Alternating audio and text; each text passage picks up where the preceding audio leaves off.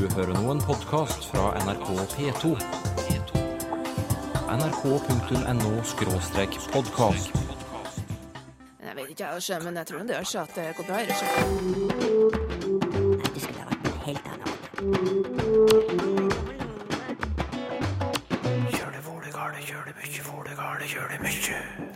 Ett ord på et stykke papir. Hvor mye er det verdt? Et ord koster 500 kroner. Oi, det var mye penger for ett ord. Mye penger, selv for en nordmann. Nordlendingene har en egen måte å uttrykke framtid på. Og så har jeg ei ung dame i Lavangen som sier jeg blir å bo i Tromsø hvis jeg får meg en større plass. Hva er det du sitter og tenker på, Sylfest Lomheim? Øl. Øl? Øl I en sådan stund? Hvorfor? fordi at det kan ha tre kjønn.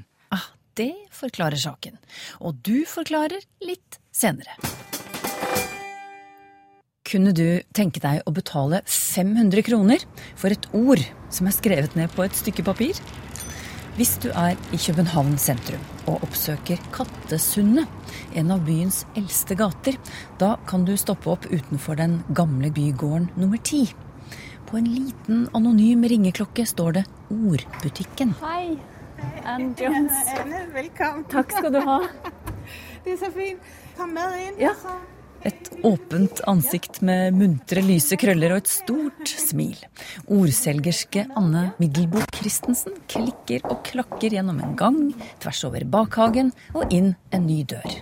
Kommer inn. Det stå. Ja, Middelbos ordbutikk i store svarte bokstaver på døren. Nå ser vi hvor vi skal hen. Det er godt. Det er som en lun liten stue. Ingen typisk butikk, med andre ord. Kjøkkenkrok med kaffemaskin, stort eikebord med messinglampe og en brannbilrød vinkelsofa. Ellers stort sett bokhyller fra gulv til tak. minibibliotek. Jeg har denne her ordbutikk, men jeg er også teaterkritiker og dansekritiker. Så her har jeg samlet alle mine ballettbøker og teaterbøker og bøker om språk. Bøker om ord. Hvorfor er du opptatt av ord? Jamen, øh, jeg er jo kritiker, og jeg er forfatter, så jeg bruger ord hele tiden. Men øh, jeg har lyst til å værne om, om ordet. Så nå ringer klokkerne i baggrunden. Det er Rødhuset fra København, som ligger lige bagved. Men øh, jeg, jeg er optaget af, af sprog og den måde, vi bruger sproget på. Og øh, nu har jeg levet hele mit liv med at sætte ordene sammen i sætninger. Og så fik jeg lyst til at øh, se, hvad der skete, hvis jeg fik ord et af gangen. Så hele projektet i Middelbos Ordbutik er, at jeg skal se, om jeg kan sælge ord et af gangen. Et ord koster 500 kroner. Oi, det var mye penger for ett ord. Mye penge, selv for en nordmand. Men, øh, men det må det koste, for det er alvorligt det her. Jeg kan ikke sælge ord for 5 kroner. Det vil ikke give mening. Så det skal være sådan, at hvis man køber et ord til sig selv eller til en gave, så øh, kan man mærke, at det er alvorligt, og det er en, en stærk tanke, der ligger bag. Det skal være i stedet for at forære nogen en skjorte, eller en lampe, eller et par nye støvler. Så, øh, så det er noget. Men til gengæld tænker jeg, at hvis nogen forærer en et ord i gave, så vil man aldrig glemme det. Man glemmer måske blusen eller blomsterne. Så, øh, og så er pointen, at jeg skal, jeg forpligter mig på at bruge alle de ord, jeg har solgt, i en digtsamling. Så, øh, så bagefter så vil det ord, man har købt, være at finde et eller andet sted i digtsamlingen. Men øh, hvor mange ord har du solgt? Jamen, det var jo det, der var det store spørsmål. Ville det her lykkes, eller ville det bare være meg? Øh, min familie købte ikke noen. De tenkte, det her det er crazy. Så de ventet spændt. Men i dag står jeg og skal sælge nummer, nummer 178. Det synes jeg jo er fuldstændig fantastisk, at så mange mennesker... nå kommer kunden. Og nu kommer kunden. Uh. Hallo? Det er Louise som kommer for å kjøpe et ord. For andre gang, faktisk. Og mens Anne lager ordkaffe, som hun kaller det, forklarer Louise. når man gerne vil gi et ord til folk, så, eller til noen mennesker, så er det jo fordi, at de er, man gerne vil gi dem noe spesielt. Og så er det jo det der med, hvordan velger man så det riktige ord. Det synes jeg er en, øh, en svær overvejelse, men så er jeg både i, i, i sidste omgang og i den her omgang er jeg nået frem til det første ord, der falder mig ind. Så du, du tenker på det mennesket som skal få ordet, Ja. og så det første som faller deg inn, Ja. det ordet blir det? Ja. Mm. Da er jeg spent på ja. er. Vi setter oss ved det store eikebordet med hver vår kaffekopp. Ordselgerske Anne tar fram noe som kan ligne på et visittkort. Man kjøper et ord, og det får man på et ordbevis, som er sånn et lille, meget øh, diskret stykke papir. Ikke større, enn at man kan folde sammen og ha det i sin pung. Men øh, der står ordet og datoen, og jeg skriver under på, at øh, jeg kun kan selge ordet én gang, og at ordet senere inngår i mitt poetiske prosjekt. Mm. Så øh, Ordet er sådan. Ja. sådan. Ja. Ja. Da jeg tænkte på ordet, så var det i betydning sådan, som på dansk betyder, sådan skal det bare gøres. Det, så det blir en slags udråb. Wow. Wow. Det er det danske wow, Ja. kan man si. Ja. Jeg vet ikke hvor personlig du har lyst til å være, men kan du si noe mer om hvorfor du valgte akkurat det ordet til Ja. den personen? Ja. Jamen det er til en person, det er en, øh, en kvinde, som øh, har været min chef gennem længere, længere tid, og som nu så stopper i sit øh, job. Og hun er et menneske, jeg har stor respekt for. Jeg har lært rigtig meget af hende, og hun er et meget skarpt menneske. Og derfor øh, har jeg lyst til at sige sådan. Ja. Men skal jeg skrive ordet nu? Er det det, jeg skal? Ja. Ja. Anne skriver ordet på det lille kortet, setter på dato og signerer. Så klipper hun et stykke hvitt silkebånd og skriver ordet 'sådan' på det også, med tusj. Ordet og kortet legger hun i en avlang oransje eske. Det er en oransje person. Og så er det på tide å betale. 500 kroner. For selv om Louise er en god kunde, så får hun ikke rabatt. Så nei, så jeg har dessverre måtte være steil selv over for sådan en kunde, som kommer annen gang. Men, øh, men det er også det, det er jo en del av prinsippet at alle ord koster det samme.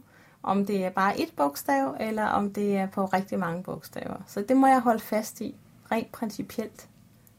Selv om man kunne ha lyst til å gi rabat. Men er det ingen som har spurt deg om hvilken rett du har til å selge ord? Ordene eies jo av alle sammen. Selvfølgelig er det mange, der har spurt, og noen har også faktisk blitt re- vrede og opprørte og synes, at det kan ikke være riktig. Men øh, øh, jeg forklarer jo så, at jeg kun selger dem til denne her diktsamling, til det her prosjekt.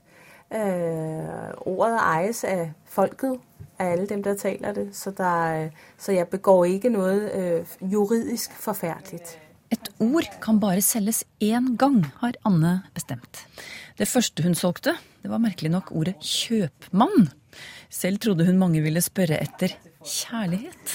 Men jeg trodde det ville være kjærlighet, fordi det har det, alle spurte ah, har du solgt ordet kjærlighet. Men, men rent faktisk er det kun ganske få, som har ville kjøpe det, og så ble det solgt rett hurtigt. Så ordene kjærlighet, kjøpmann og sådan blir garantert å finne i Annes diktsamling. For om ett år stenger hun butikken og setter seg til å skrive poesi av alle ordene hun har solgt. Men hun har et lite verbproblem. At jeg mangler litt verber. I øyeblikket har jeg fire verber, og det er en lille smule svært å få ordene til å gjøre noe når det ikke er noen ord, der gør. Øh, men ellers må det blive meget modernistisk, så man ligesom siger træ, skov, hus, lampe. men jeg vil jo rigtig gerne have, at noget springer, eller løber, eller smiler, eller kysser. Hvilket ord skulle du selv ønske deg å få i gave? Åh, jamen alle spørger jo om det, og det er så svært, og jeg har forbudt mig selv at købe, og jeg må heller ikke købe til andre, så derfor har jeg ikke været i dilemmaet.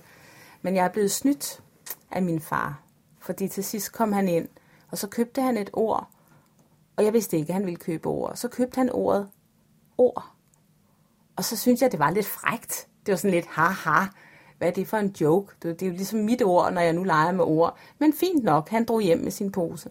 Og så gikk det noen måneder, og så hadde jeg fødselsdag. Så forærede han meg mitt eget ord ord. Og det kunne jeg jo så ikke si nei til. Så det ble jo litt merkelig. Så ordet, mitt ord, det er faktisk blevet ord. Og dermed får det også plass i diktsamlingen som Anne Middelboe Christensen skal lage av alle ordene hun har solgt.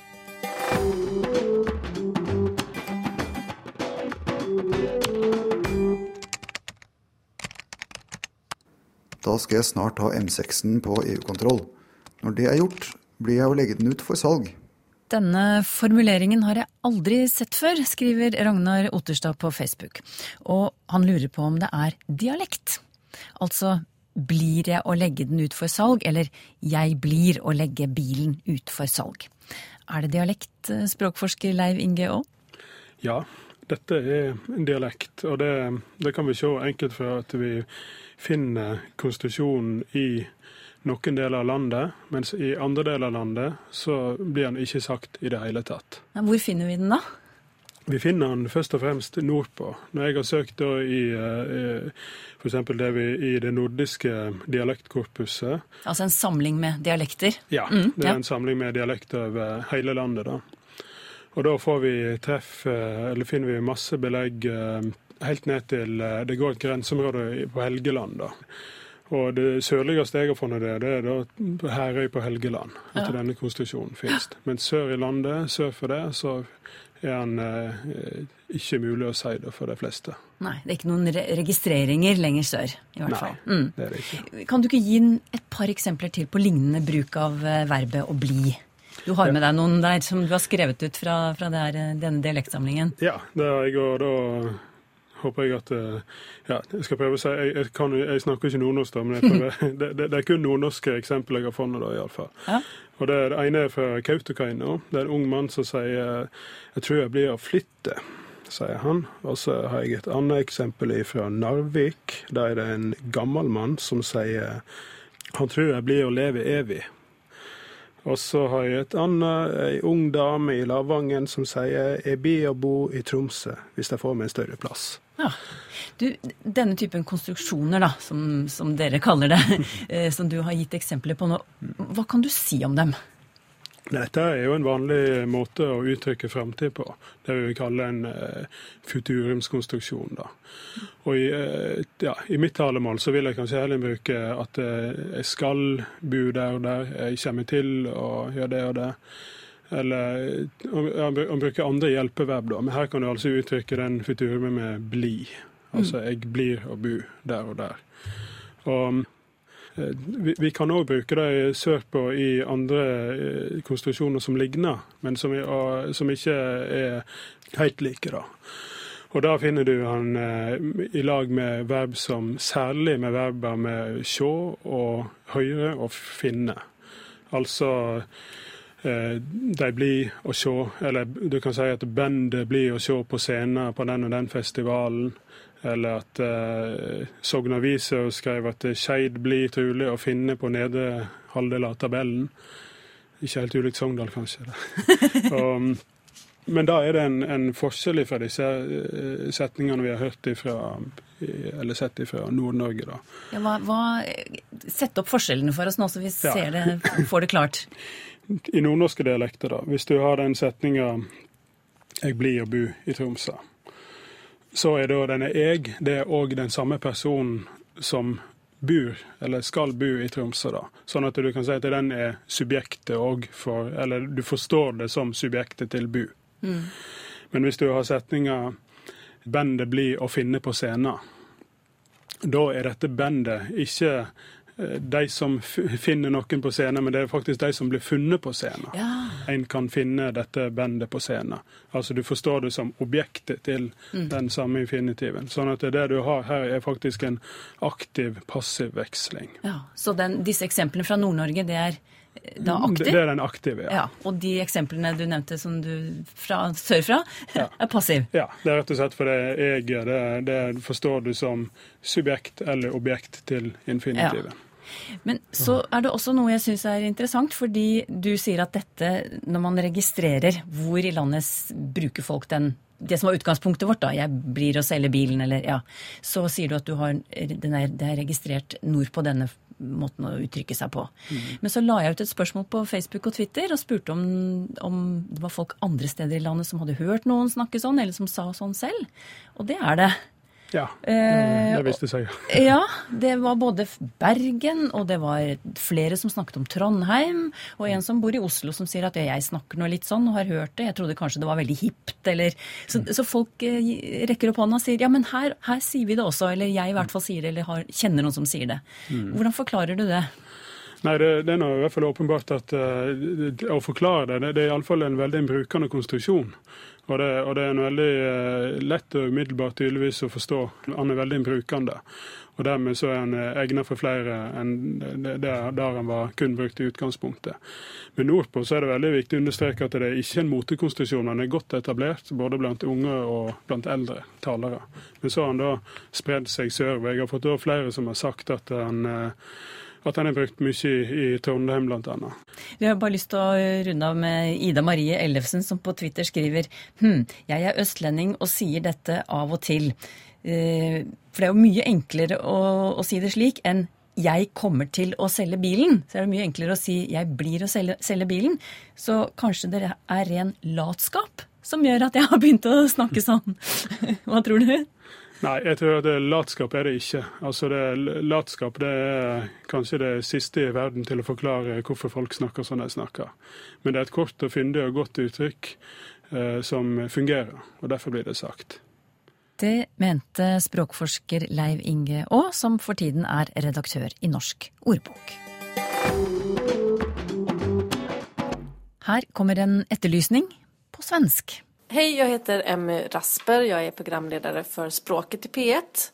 Jag eh, har fått frågor från mina lyssnare om eh, norska. Till exempel så undrar en av mina lyssnare vad skillnaden mellan bokmål och nynorsk är. För det, det vet vi kanske inte i Sverige. Men jag undrar också om eh, ni norska lyssnare har frågor om svenska språket. I så fall så skicka in dem. Den oppfordringen kom fra min svenske kollega Emmy Rasper, som er med i Språkteigens skandinaviske spesialsending senere i høst. Emmy ønsker seg dine spørsmål om svensk. Send dem til teigen krøllalfa nrk.no. Og her har jeg funnet fram dagens første lytterspørsmål, fra Asbjørn Finnholt. Det han vil vite, Sylfest Lomheim, er om et substantiv kan ha forskjellig kjønn i ubestemt form og bestemt form.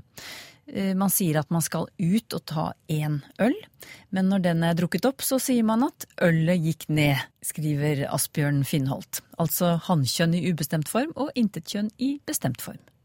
Hva kan du si til dette, Ja, jeg vil ikke si det helt slik, for eh, Men jeg skjønner godt spørsmålet fra Asbjørn Finnholt. Eh, et substantiv kan ikke ha ulikt kjønn i ubestemt form og bestemt form hvis det er samme ordet det er snakk om.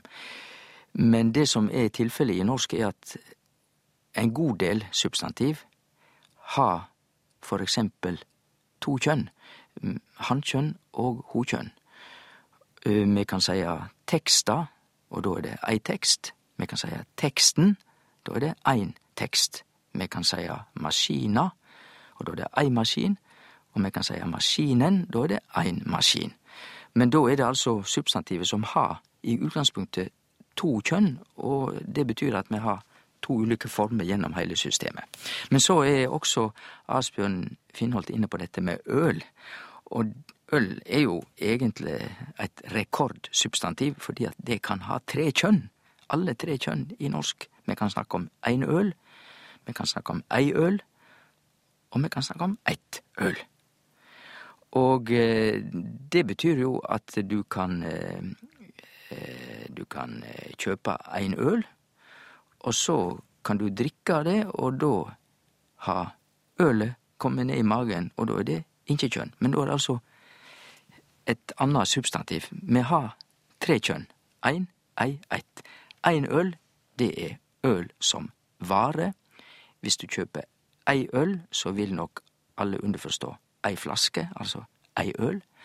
Og hvis du har eitt øl, og det går ned i magen, da er det sjølve drikken eitt øl. Elisabeth Lunde spør om det er noen forklaring på opprinnelsen til ordet tafatt. Det skal jo bety å være rådløs eller uten tiltak, men det kan jo nesten tolkes som det motsatte, nemlig å ta fatt på noe? Det kan det så absolutt, hvis han bare ser på ordet, men eh, det har ingenting med å ta fatt på å gjøre. Altså, å ta fatt på, det er jo å fatte, nemlig å gripe eller å ta. Eh, nei, det med tafatt er slik at det er verbet å ta som står først, ta, og så er det fatt. Og det er egentlig få, altså det som er lite. Fatt har med få å gjøre. Ta lite, og da er du tafatt. Og fattig er i slekt med det, fordi at fattig er òg den som tek lite. Det er samme ordet i fa i fattig også. Kirsti Kielland lister opp terrasse, veranda, altan, balkong. Men hva er forskjellen, spør hun. Hun mener selv at terrasse og veranda er omtrent det samme, det er noe som ligger på bakkenivå, men at altan og balkong er høyere oppe i etasjene. Ja, det er for så vidt rett. Litt upresist, men mykje rett i. Men disse fire orda har egentlig, sier det fire ord, fire ulike meiningar. Og da tror jeg jeg skal gå gjennom meninga med disse fire orda, ikke sant, enn? Jo, gjør det. Jeg kan begynne med terrasse. Det er egentlig ei jordfylling, planert ut med, med jord. Og så kan vi jo leggje noen planker oppå der, men det er faktisk på bakken, egentlig. Og det skriver seg for fransk un terrasse, og det er det franske ordet for jord, ter, la ter, jorda. Så terrasse er egentlig på godt norsk ei jordfylling, og hvis vi bruker det om noe annet, så er det da sjølvsagt egentlig feil. Vi kan ha planker oppå, men eh, likevel så er det på bakkenivå ei jordfylling. Så er det veranda. Det skal eh, være fra indisk, og kanskje portugiserne ga det si tid til indisk, det veit jeg ikke, men veranda er Det står på, på pålar eller stavar eller støtte, og da kan vi tenke oss at en veranda har stolper under seg, og så er det planker oppe, så det er opp fra bakken. Det er ikke på bakken, men opp fra bakken et stykke. Og en veranda kan jo til og med gå rundt hele huset, altså en veranda som går rundt hele huset. Det er veranda. Så er det altan. Det kan jo være nesten det samme som veranda, men en altan går jo aldri rundt heile huset. Det kan en veranda gjere. Og altan er faktisk i slekt med det som står framme i kyrkja, nemlig et alter. For både alter og altan kjem frå et latinsk ord, altus, som betyr høg. Så det er noe som er opphøgd. Men nøkkelen, eller kjernen, i altan er at det også står på noko, eh, og så opp fra bakken. Balkong, derimot, det er rett og slett et utspring oppe på veggen.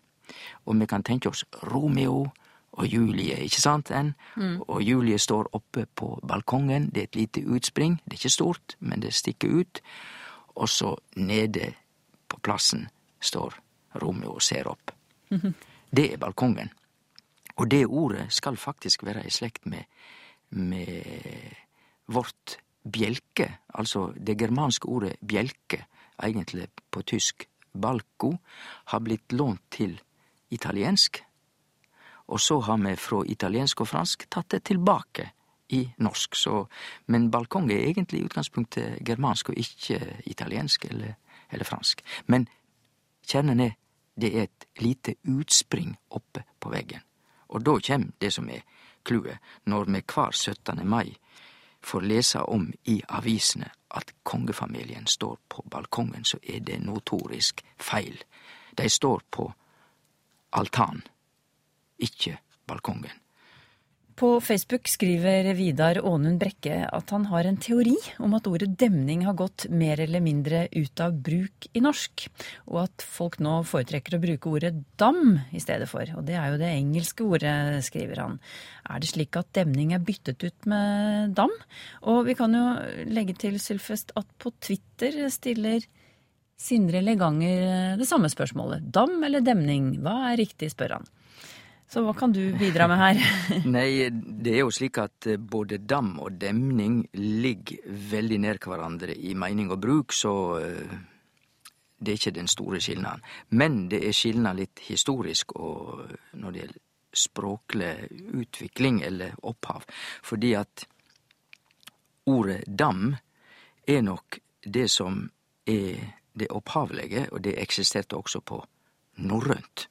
Da eksisterte ikke demning, så det at demninga demning har gått mer eller mindre ut av bruk, er nok ikke sant. Faktisk er det demning som er det nyeste av de to. Dam som substantiv, eh, det betyr ei oppbygd hindring, eh, som vi veit, og det har gitt oss verbet å demma. Og det verbet igjen, som da er laga av dam, det verbet har ligget til grunn for utviklingen av substantivet. Et nytt substantiv demning. Så det er nyere. Og demning betyr også ei hindring eller noe som er bygd opp. Men den vesle nyansen som jeg tror er mellom dam og demning, er at dam er bare liksom ei hindring som er bygd opp. Men demning, da tenker vi òg mer på at det er noe som regulerer vassførselen, altså slipper ut og sånn. Så det kan være en liten skilnad i mening på den måten. Sissel Åkre lurer på hvorfor det heter klart som blekk. Blekk er jo som alle vet ikke klart, skriver hun, så det må vel ha en annen opprinnelse? Ja, det, det er jo blekket det er snakk om, men her er nok opphavet at uh, ting har vært klart som vann, eller klart som dagen, eller noe som er veldig forståelig at vi sier det er klart som, som sånn og sånn. Men så har en eller annen med humoristisk sans begynt å seie klart som blekk, for blekk er jo svart og ugjennomsiktig. Og så har dette festa seg som uttrykk, men opphavet er etter eh, mitt syn helt opplagt. Det er en humorist som har begynt å seie det. Har du spørsmål til Språkteigen? Skriv til Teigen, krøllalfa nrk.no, eller til Språkteigen, NRK P2, 7005, Trondheim. Så finner du oss også på Twitter og på Facebook. Alt du ville vite om svensk, men aldri fikk anledning til å spørre om. Nå har du sjansen. Send spørsmålene dine om svensk til teigen krøllalfa nrk.no. Så kommer de kanskje med i den store skandinaviske spesialsendingen vår i november.